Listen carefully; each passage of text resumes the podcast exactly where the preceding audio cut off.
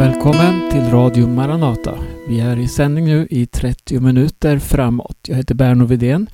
Vi börjar med att lyssna till en väckelsesång. En Vem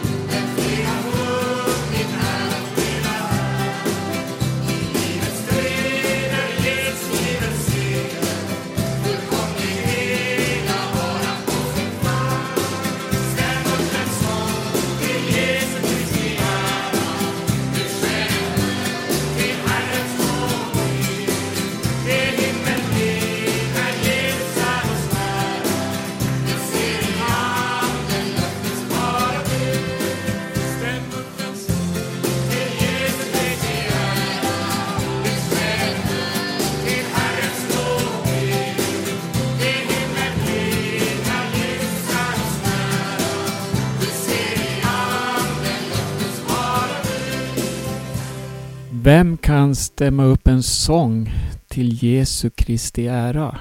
Som vi hörde här. Den som har mött Jesus, naturligtvis. Den som har fått sin synd förlåten. Den som har övergått från döden till livet.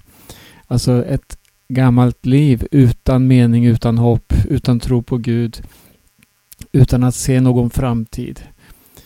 Men då har man tagit emot Jesus och Jesus han har förvandlat ens liv. Det här är ord som du kanske har hört många gånger men inte har någon egen erfarenhet utav. Då vill jag rekommendera dig verkligen fly till Jesus. Låt Jesus få utföra sitt verk också i ditt liv och befria dig från det som vi skulle kunna jämställa med träldom. Att leva här i tiden utan Gud, utan hopp, det är som att vara en träl här i världen. Man är någons tjänare, någons slav. Och här kanske du inte håller med. Men eh, faktum är att den människa som inte har fått frälsningen, alltså som inte har tagit emot Jesus, han är träl under synden. Eh, jag ska ta en bild från Bibeln som eh, eh, berättar om ett folk, alltså Guds eget folk, Israel. Under en period så befann sig hela Israel i Egypten. Och hur de kom till Egypten det kan vi ta vid ett annat tillfälle. Men nu befann de sig där och hade ett svårt liv. De var förslavade helt enkelt. De levde som trälar och ropade om befrielse. Det var ett svårt liv. Bibeln säger att de hade funnits där i mer än 400 år. Och efter ett tag då så blev de förslavade och deras rop, står det, steg upp till Gud. Och Gud sände Moses som en befriare för att befria folket ifrån slaveriet. Det här var en, en hård process. För att alla dessa ok som låg på folket, de eh, var svåra att bli av med. Det fanns en fiende, kungen, faraonen och hans regering då, hans styre. Man behövde det här folket för att bygga upp Egypten. Nu kom Mose dit och befallde att släppa folket. Kungen han eh, log, han undrade vad, vad Mose hade för makt. Sen börjar en lång process och det, det är tio olika plågor som Gud sänder över farao och hans folk, hans land som på olika sätt drabbar folket, landet, växterna, eh, maten, vattnet och så vidare. Det blir en oerhört svår tid för egyptierna. Men faraon han vägrar att släppa folket. Ända tills den sista plågan förkunnas. Och nu ska vi läsa i eh, Andra Mosebok i det tolfte kapitlet. Här står det om den sista plågan. Och det här är nyckeln till befrielse från träldomen. Det står i vers 21 att Mose kallade till sig alla de äldste i Israel och sa till dem Bege er hem och ta er ett lamm för varje hushåll och slakta påskalammet. Ta en knippa isop och doppa den i blodet som är i skålen och bestryk det övre dörrträet och båda dörrposterna med blodet som är i skålen. Och ingen av er må gå ut genom sin husdörr före morgonen. Ty Herren ska gå fram för att hemsöka Egypten. Men när han ser blodet på det övre dörrträet och på de två dörrposterna ska Herren gå förbi dörren och inte tillåta fördärvaren att komma in i era hus och hemsöka er. Detta ska ni hålla. Det ska vara en stadga för dig och dina barn till evig tid. Och när ni kommer in i det land som Herren ska ge åt er, som han har lovat, ska ni hålla denna gudstjänst. När då era barn frågar er, vad betyder denna er gudstjänst? Ska ni svara, det är ett påskoffer, därför att han gick förbi Israels barns hus i Egypten när han hemsökte Egypten men skonade våra hus. Då böjde folket sig ned och tillbad och Israels barn gick bort och gjorde så. De gjorde som Herren hade befallt Mose och Aron. Sen vid minnastiden, då slog Herren allt förstfött i Egypten. Från den förstfödde hos farao som satt på tronen ända till den förstfödde hos fången som satt i fängelse. Och likaså allt förstfött bland boskapen. Då steg farao upp om natten tillsammans med alla sina tjänare och alla egyptier. Och ett stort klagorop höjdes i Egypten, ty inget hus fanns där inte någon död låg.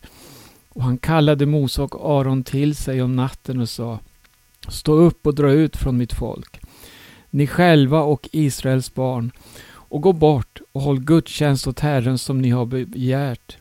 Ta också era får och era fäkreatur som ni har begärt och gå iväg och välsigna därvid mig.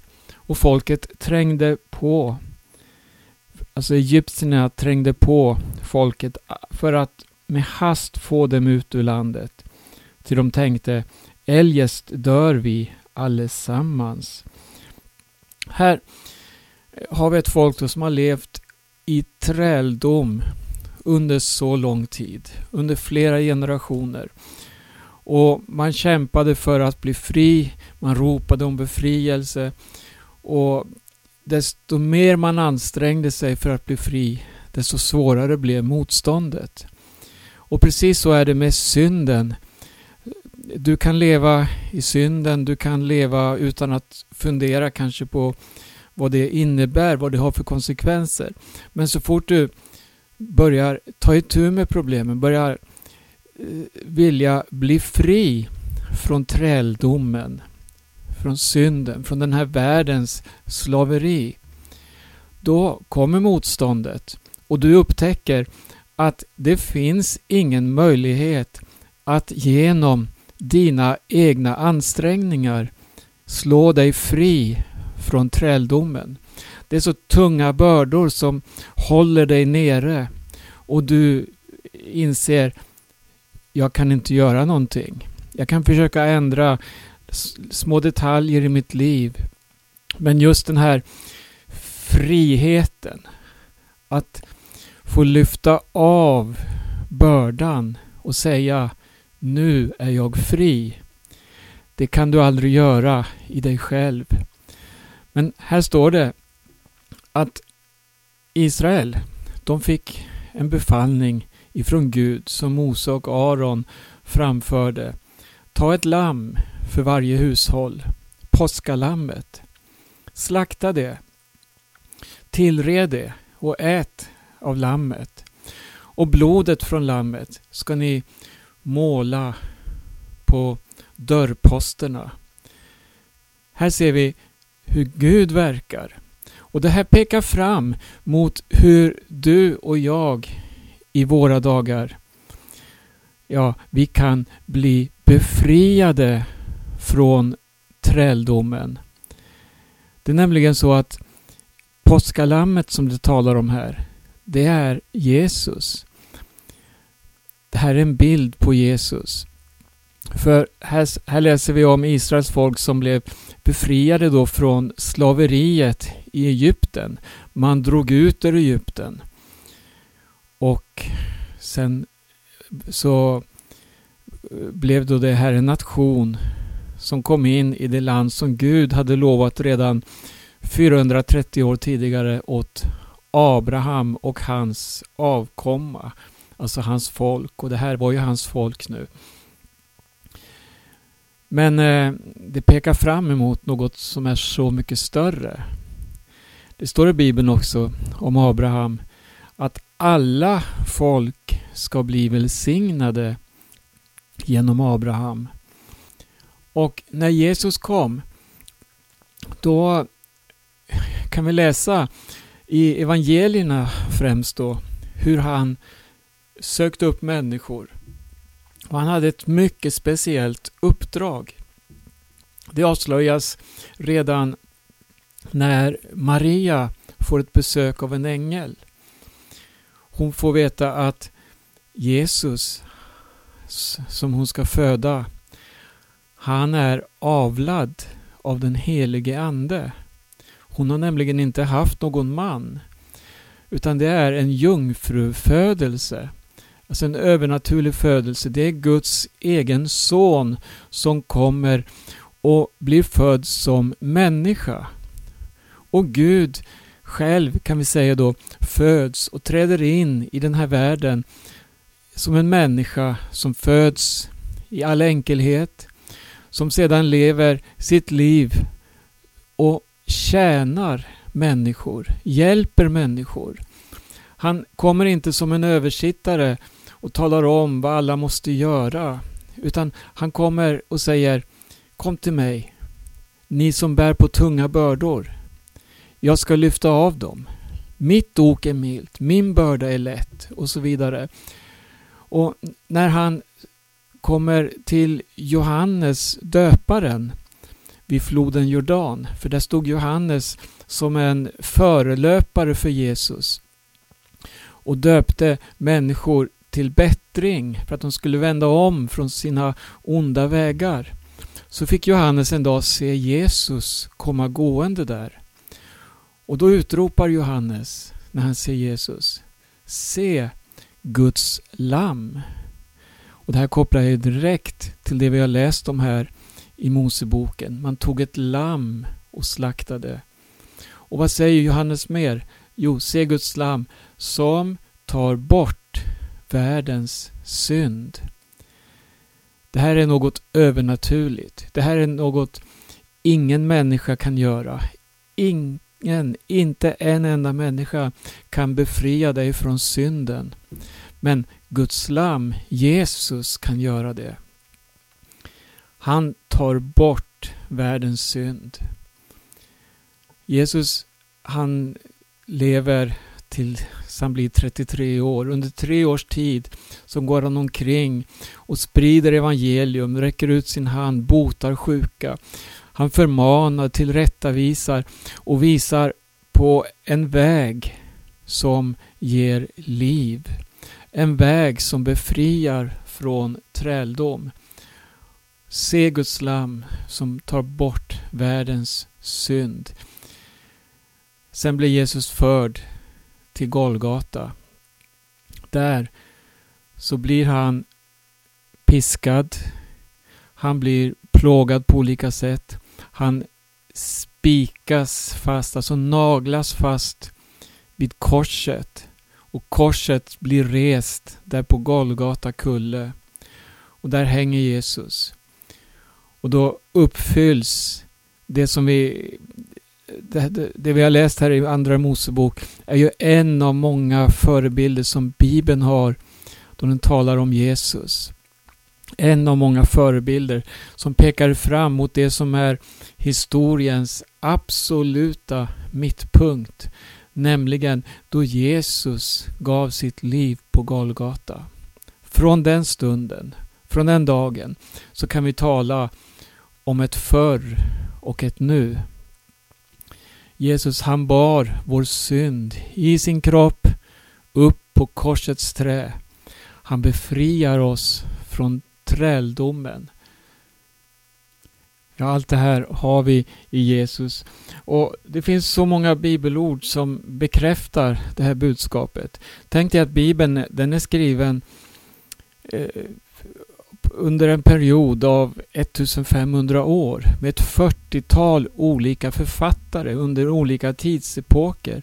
Med författare från helt olika förhållanden. Enkla, olärda personer tillsammans med bildade personer. Alla har gett sin skildring av alla de här händelserna.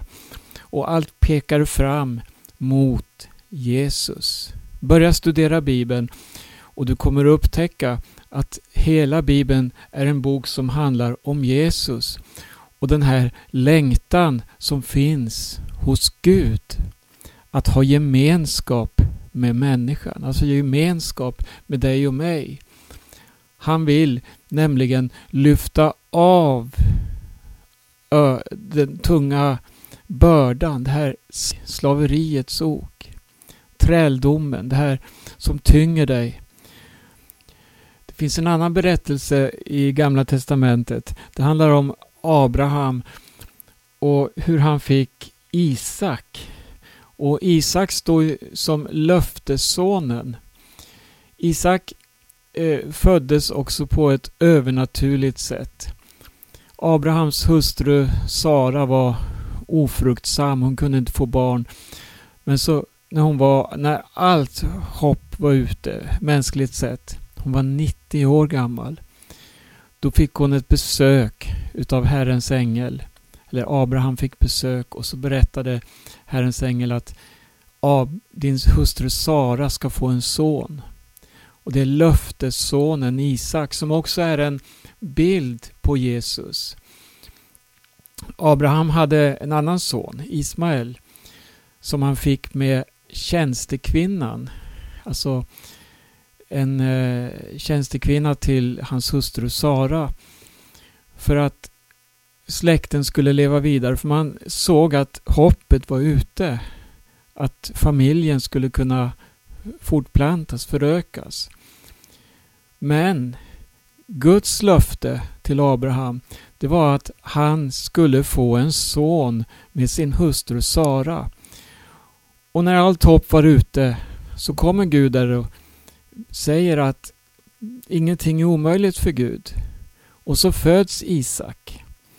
Och i Galaterbrevet 5 och 1 ett brev som handlar mycket om att vi är frälsta av nåd och inte genom laggärningar. Inte genom att vi själva på olika sätt försöker uppnå frälsningen. Nej, det handlar om att öppna sitt hjärta och i tro ta emot Jesus i sitt liv. Där har vi friheten. Där har vi det här att vi blir nya skapelser i Kristus Jesus. Och då skriver Paulus så här till Galaterna. Vi är inte barn till en slavinna utan till den fria kvinnan. Till den friheten har Kristus befriat oss. Stå därför fasta och låt ingen lägga på er slavoket igen.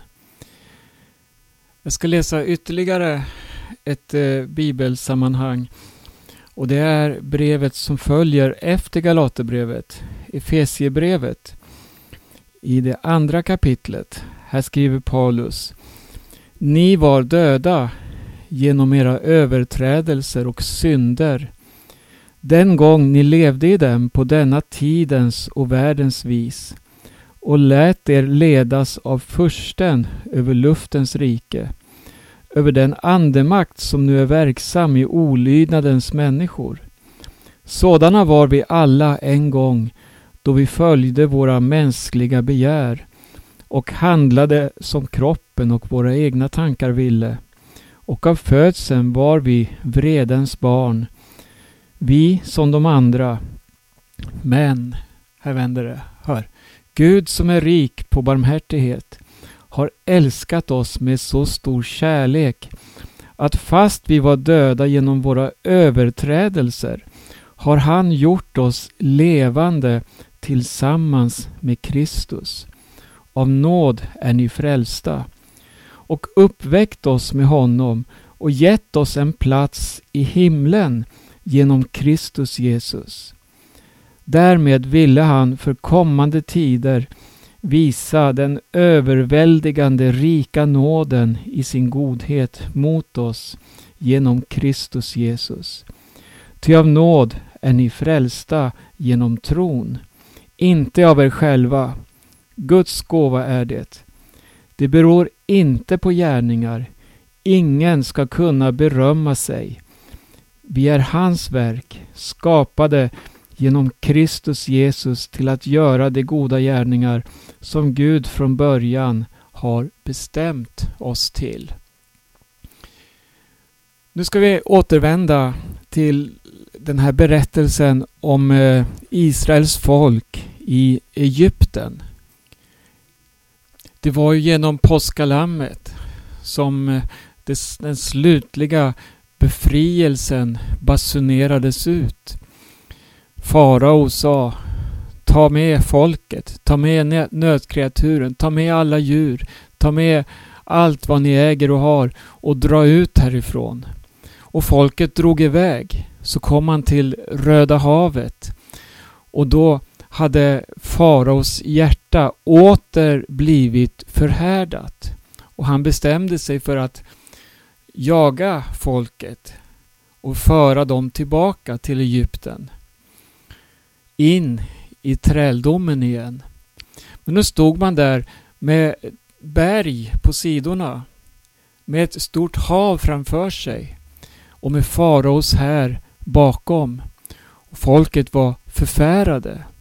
Och det kan vi bli. Vi kan bli förfärade av syndens makt, av världens inflytande, av allt det här som vill beröva oss frimodigheten och hoppet om en framtid med Jesus.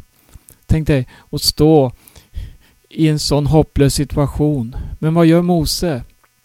Han har fått en stav. Herrens stav står det. Och Gud sa till Mose att han skulle sträcka ut staven över havet och vattnet det delade sig. Läs den här berättelsen i eh, Andra Mosebok 14 kapitlet och se vilken oerhörd makt och omsorg Gud har över sitt folk. Han leder sitt folk genom de mest omöjliga situationer. Man tågar genom Röda havet som på torra land. Sedan följer faraos herrar efter och förföljer folket ner i havet. Men då står det att havet och vattnet återvände. Så havet blev en grav för dessa förföljare. Det är en bild på eh, att vi är döda till vårt gamla liv. Vi har dött.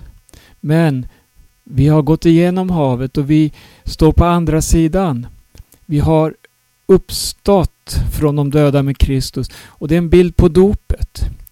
Vi är döpta till Kristus. För att vi har sagt vi tillhör honom. Han är vårt allt. Nu så stod man på andra sidan och jag ställde en fråga i inledningen av det här programmet. Vem kan sjunga på det sätt som man sjöng? Stäm upp en sång till Jesu Kristi ära. Här stod Israels folk på andra sidan Röda havet. Man hade fått vara med om detta befrielseverk och man hade fått tåga genom havet. Oerhört.